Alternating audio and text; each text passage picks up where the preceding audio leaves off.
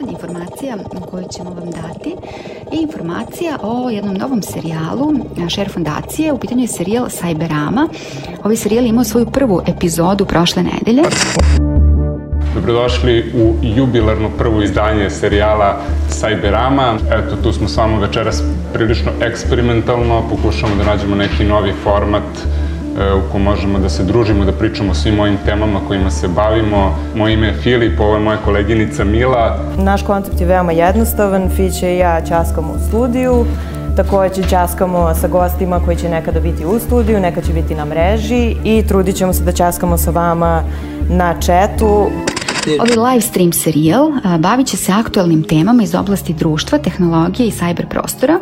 Svake poslednje srede u mesecu bit će analizirane vesti, društveni fenomeni i davat će se odgovori na pitanja relevantna za pojedinca i društvo u 21.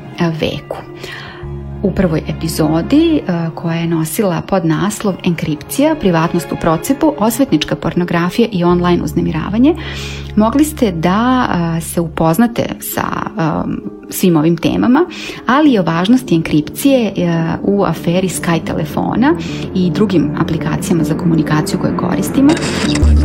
The encryption debate is proving to be good business for one startup Telegram, a messaging app that encrypts messages end to end, has surpassed 100 million users. And that's the point. People who want encryption will always be able to find it. If it's not Telegram or WhatsApp, it could be one of the more than 800 other encryption products out there, almost two thirds of which are made by companies not easily covered by US law, like Silent Phone or Threema or Snickety Snack or Mailgrub. Now, granted, those last two aren't real, but the point is, they will be in five minutes if the government forces the other ones to weaken their encryption. Svaki dan se pojavljuju nove aplikacije, nove pretnje, nove opasnosti i nisu krive aplikacije, nisu krivi hakeri, krivi smo mi. Naš gost je Vlada Nenadić, IT stručnjak, dobro jutro. Pojavila se nova, tajna, opasnost, zove se Sky. Šta je Sky? Sky aplikacija koju, koja služi za dopisivanje ili razmenu videa ili govora. Zašto znači, bi to znači- moglo da bude problem? Za kratko vreme tokom borbe protiv kriminala čuli smo mnogo. U moru informacija izdvojila se jedna. Srbija se, uglavnom sa Sky aplikacijom, upoznala na ovaj način.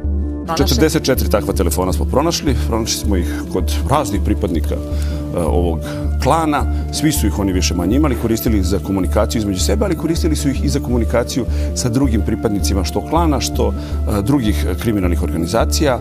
Sve navedeno nudi se u okviru nekoliko opcija koje garantuju privatnost korisnika, a cena se kreće od 600 do 2200 dolara.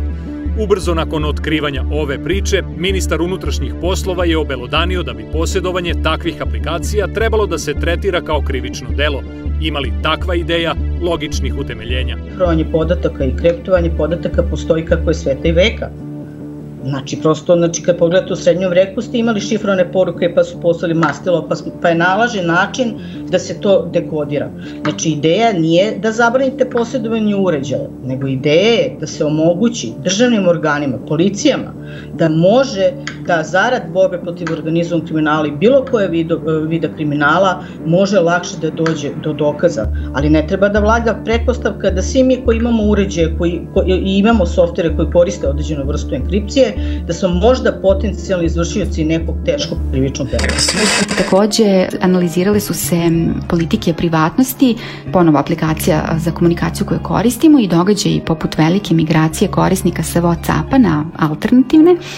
Takođe, u ovom razgovoru e, desio se osvrt na slučajeve lokalnih telegram grupa u kojima su se delili sadrži kao što su osvetnička pornografija i lični podaci.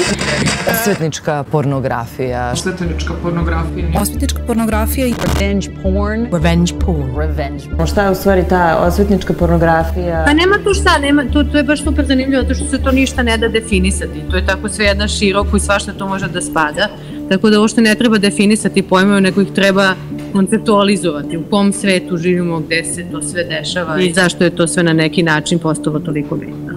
A na aplikaciji za dopisivanje Telegram otkrivena je grupa koja okuplja 36.000 muškaraca sa Balkana koji su delili eksplicitne fotografije, snimke, ali i adrese žena sa ovih prostora. Neke od takozvanih muških konverzacija isplivale su i na mnogo masovnijem Twitteru i tako se za ovu grupu saznalo, a potom je otkrivena i grupa Nišlike koja ima oko 20.000 članova gde su na meti manijaka žene iz Niša. Osim obnaženih fotografija, snimaka i podataka o bivšim partnerkama, u četovima eksplicitno su se tražile i slike maloletnih devojčica. Zbog osvetničke pornografije, kako je ime ovom vidu aktivnosti internet predatora, tužbe za sada mogu podneti samo žrtve privatno, ali pod pritiskom javnosti zakon može biti promenjen. Osvetnička pornografija treba da postoji sama po sebi kao krivično delo s obzirom na to koliko je rasprostranjena. Da, čini mi se da je vrlo važno ukazivati na to da e, postoje zemlje u kojima je to već kriminalizovano iz prostog razloga što to pokazuje da mi ne tražimo ništa radikalno. Dakle, mi samo tražimo da ovo bude prepoznato na onaj način na koji se to i dešava, to je nasilje nad ženama. I konačno, razgovaralo se o tome kako se ponašati i kako zaštititi sebe i druge u digitalnim prostorima uz osvrt na alate za digitalnu bezbednost. Prvoj epizodi Sajberame uh, gosti su bili Petar Simović iz Kripto Party Srbija, zatim Bojana Kostić, pravnica sa ekspertizom u istraživanju digitalnog nasilja i Milutin Marinović, programer i aktivista. Dakle, na YouTube kanalu Share Fondacije možete da pogledate prvu epizodu Sajberame. Poslednja sreda u mesecu su termini kada će se ovaj uh, live stream uh, serijal uh, premijerno emitovati. Sa vama su u proteklih 60 minuta bili